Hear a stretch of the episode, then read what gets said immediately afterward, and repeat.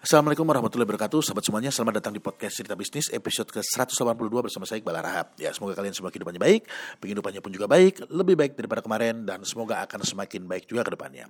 Dan kawan-kawan di podcast ini eh, Kita akan bicara banyak ya tentang Ya terutama mengenai bisnis, manajerial dan keuangan Yang akan saya angkat dari sudut pandang saya sendiri Pengalaman saya pribadi dan cerita saya pribadi Sebagai seorang praktisi bisnis dan pelaku investasi sejak tahun 2006 Harapannya apa? Supaya kalian teman-teman yang mendengarkan podcast ini Yang ada keinginan untuk jadi pengusaha Atau bagi teman-teman yang sudah menjadi pengusaha dan juga untuk teman-teman yang memiliki profesi yang lainnya yang berbeda. Nah, barangkali aja teman-teman bisa memiliki insight-insight yang berbeda, insight-insight baru dan insight-insight yang bermanfaat.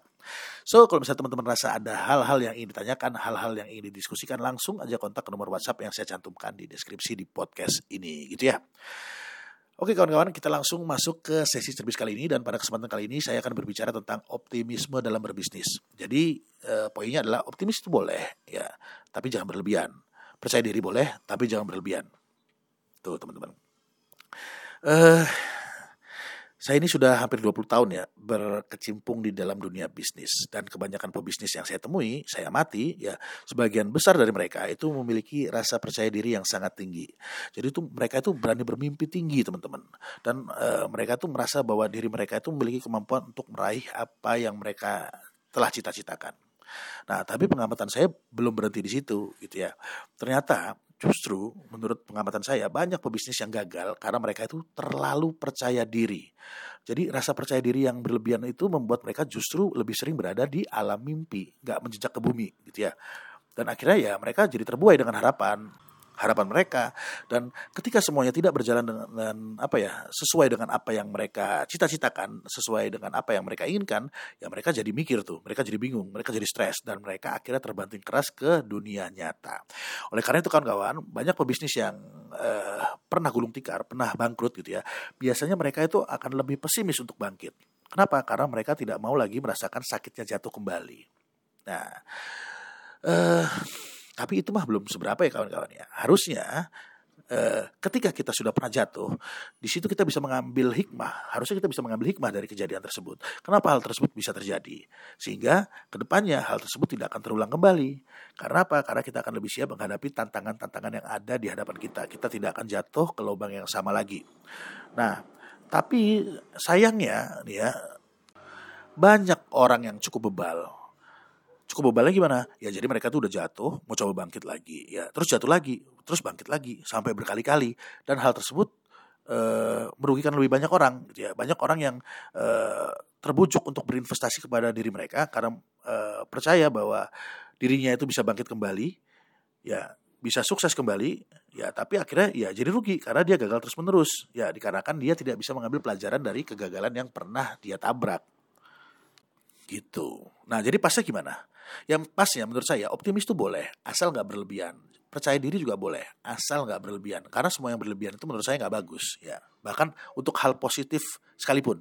Ya minum air itu kan boleh ya, wajib eh, apa namanya sehat lah minum air putih gitu ya. Tapi kalau minum air kebanyakan juga bisa muntah gitu. Artinya sesuatu yang baik kalau dilakukan secara berlebihan, secara asal dan berlebihan itu ya juga eh, buruk, juga negatif gitulah hasilnya gitu teman-teman. Nah, uh, untuk melengkapi uh, cerita bisnis kali ini, saya akan berbagi pengalaman uh, dari story saya ya dengan seorang pengusaha. Ya cerita ini sudah agak lama ya sudah agak lama uh, tapi akan saya angkat di podcast kali ini.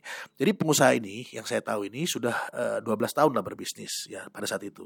Dan dia uh, pernah jatuh keras dari bisnis pertamanya. Dan kerugiannya yang dia apa namanya dia dapatkan kerugiannya kok kerugian dia dapatkan ya. Pokoknya dia mengalami kerugian itu sebesar uh, 5 miliar rupiah uh, dan uh, kurang lebih dia itu ya mungkin kurang lebih 5 miliar lah. Yang saya tahu tuh eh, dia menghabiskan eh, dua rumahnya lah untuk menutupi kerugiannya. Ya, saya estimasikan ya kerugiannya senilai 5 miliar rupiah. Dan eh, saat ini, bukan saat ini ya, jadi eh, setelah itu dia menjalankan bisnis keduanya. Dan ketika saya kenal sama dia, eh, bisnis keduanya ini sudah masuk tahun ke-6 ya eh, dan dia minta saya untuk membantu dirinya untuk mengelola bisnisnya untuk memperbaiki bisnisnya dan oke okay lah sebelum saya bantu Anda untuk mengelola bisnis Anda, saya perlu tahu dulu dong eh, kondisi bisnis ini gimana. Dan untuk mengetahui kondisi bisnis, pertama yang harus kita lakukan atau yang ideal kita lakukan adalah kita cek pembukuannya dan kondisi keuangannya. Nah, ternyata setelah kondisi keuangannya atau kondisi bisnis itu saya cek, ya ternyata kondisi bisnisnya juga saat ini juga nggak sehat gitu ya. E, menurut catatan dia tuh e, apa ya mengalami hutang sebesar satu miliar lebih. Ya lebihnya nggak banyak lah, anggaplah 1,2. Dan hal ini juga e, bukannya disebabkan karena penjualannya yang buruk, bukan, tapi karena pengeluarannya terlalu besar ya.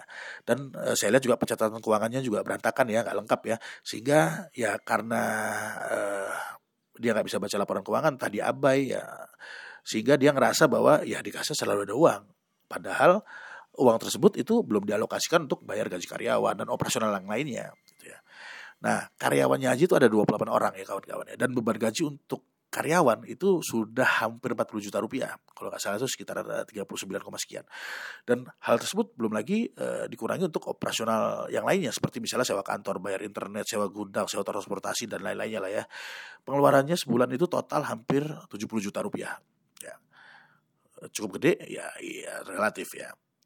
Dan e, kalau kita lihat dari pemasukannya, ya pemasukannya itu ternyata ya cukup bagus lah, 80 juta lebih e, dalam sebulan. Tapi itu masih omset teman-teman ya. Belum dipotong HPP sehingga tiap bulan ya pastinya minus terus gitu ya. Karena pengeluaran lebih besar daripada keuntungan. Akhirnya eh, ada pembayaran-pembayaran kerekanan yang tertunda ya. Terjadi warna prestasi ya. Jadi utang jadi utang dagang. Dan ada juga utang dengan investor. Dan saya lihat kalau misalnya komposisi utangnya itu ya 80% itu utangnya eh, ada di investor dan 20% utangnya itu ada ke rekanan atau supplier dia. Nah, ini masalah teman-teman. Dan bukan masalah kecil masalah besar. Dia sudah pernah gagal dan cukup besar dia rugi e, di bisnis pertama 5 miliar dan sekarang udah masuk tahun ke-6 di bisnis keduanya dan ada kerugian juga atau minus. Bukan apa ya ya dibilang rugi ya rugi ya utang ya utang 1, miliar 1,2 miliaran gitu ya. Dan ini masalah besar. Dan di sini karena saya diminta untuk menjadi konsultan untuk membantu dia merapikan bisnisnya ya maka saya memberikan uh, beberapa rekomendasi uh, kepada si owner ini. Nah, rekomendasi yang pertama adalah bahwa perusahaan ini harus memangkas karyawannya. Ya, karena perusahaan ini menurut perhitungan saya ya bisa sebetulnya dijalankan dengan 15 karyawan aja. Ya, dan itu jumlah maksimal karyawan. E, eh, 28 karyawan itu terlalu banyak. Dan uh, rekomendasi yang kedua adalah saya akan bantu dia untuk mencarikan investor. Kebetulan saya punya kawan ya yang dia punya uang berlebih. Jadi uh, ada solusi lah untuk uh, si owner ini untuk menyelesaikan bisnisnya dan untuk merapikan bisnisnya ke depannya. Ya. Uh, jadi uh, apa ya? Karena apa? Karena saya lihat potensi di bisnis ini sebetulnya cukup bagus kawan-kawan ya. Cukup bagus. Potensinya bagus, cuman uh, sayangnya hanya salah tata kelola aja. Karena uh, ya mungkin pengaruh ya sama latar belakang ownernya ya. Latar belakang ownernya adalah marketing. Ya memang secara pemasaran marketing itu kan menggebu-gebu ya, tapi dia lupa tentang uang yang ada di dompetnya dia. Jadi marketing bagus, pemasaran bagus, tapi tata kelola keuangannya itu jadi jebol gak karu-karuan. Nah, singkat cerita, ya saya ajaklah kawan yang mau berinvestasi di bisnis tersebut dan kawan ini punya uang tuh nganggur kurang lebih saat itu dia punya uang 500 juta rupiah. Nah, saya ketemukanlah si kawan investor ini dengan si owner.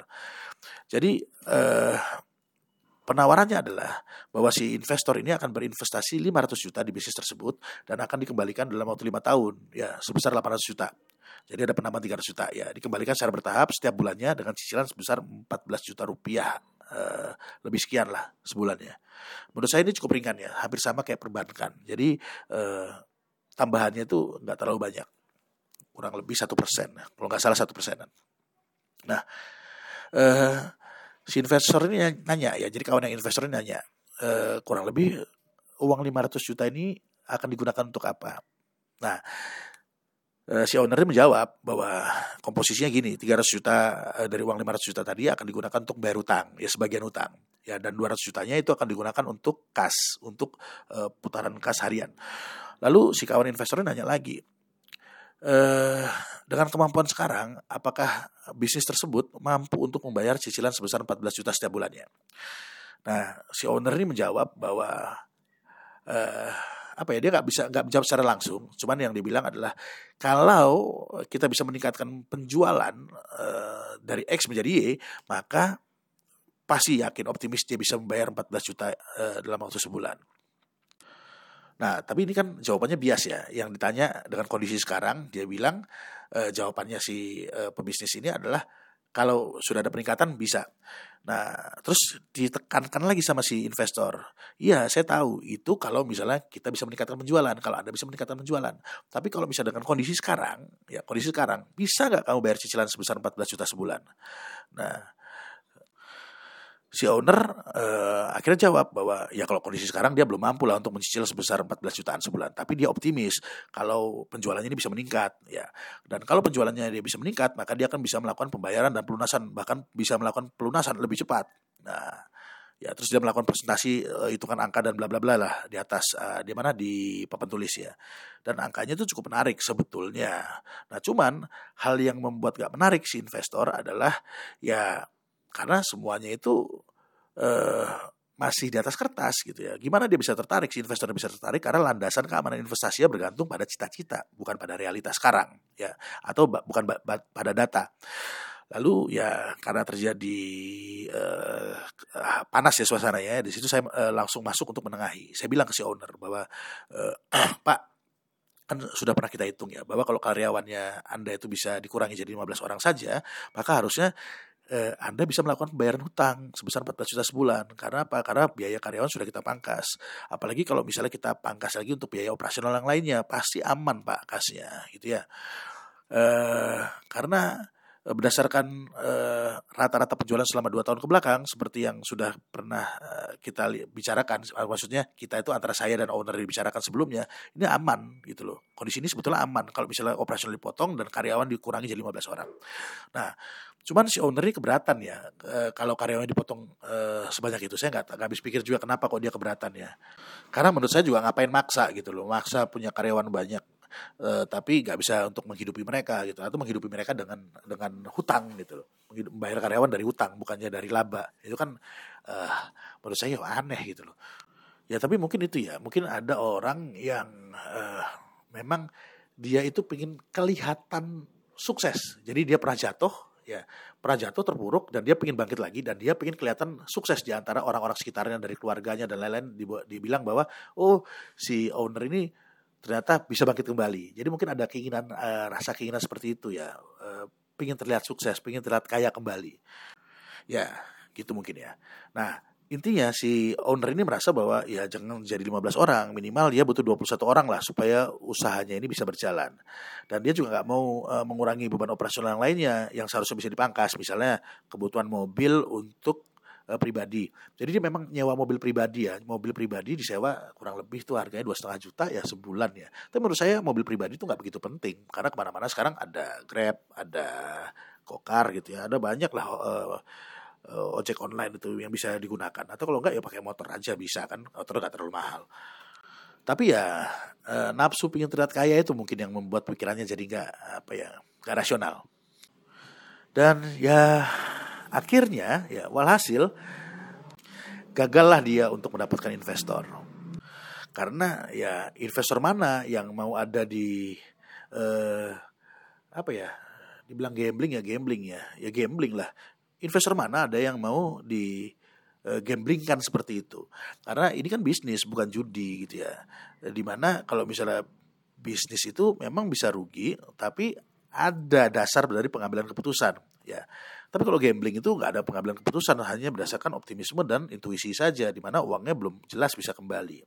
Ya kecuali si owner ini dia mau minta uh, uang sama orang tuanya, sama pamannya atau sama kakak-kakaknya, ya mungkin oke okay lah, bisa ada keluarga yang support.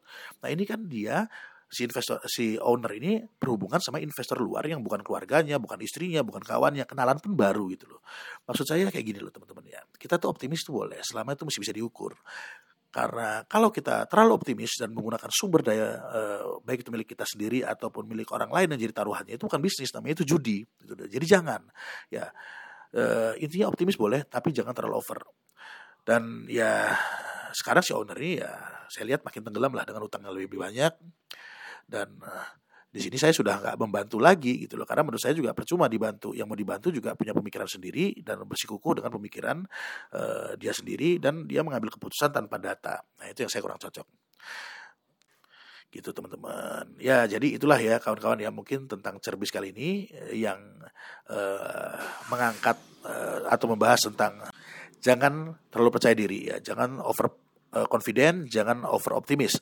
Optimis boleh, percaya diri wajib, tapi ya kira-kira juga gitu ya. Jangan sampai kebablasan, apalagi bisa atau sampai merugikan pihak lain. Ya gitu teman-teman. Monggo kalau bisa teman-teman rasa ada hal-hal yang perlu ditanyakan, hal-hal yang diskusikan, ya langsung aja sharing ke nomor WhatsApp yang saya cantumkan di deskripsi di podcast ini. Semoga bermanfaat buat eh, kalian semua, teman-teman yang mendengarkan, terutama buat saya sendiri sebagai pengingat diri. Saya cabut dulu, sampai jumpa di episode service berikutnya. Assalamualaikum warahmatullahi wabarakatuh.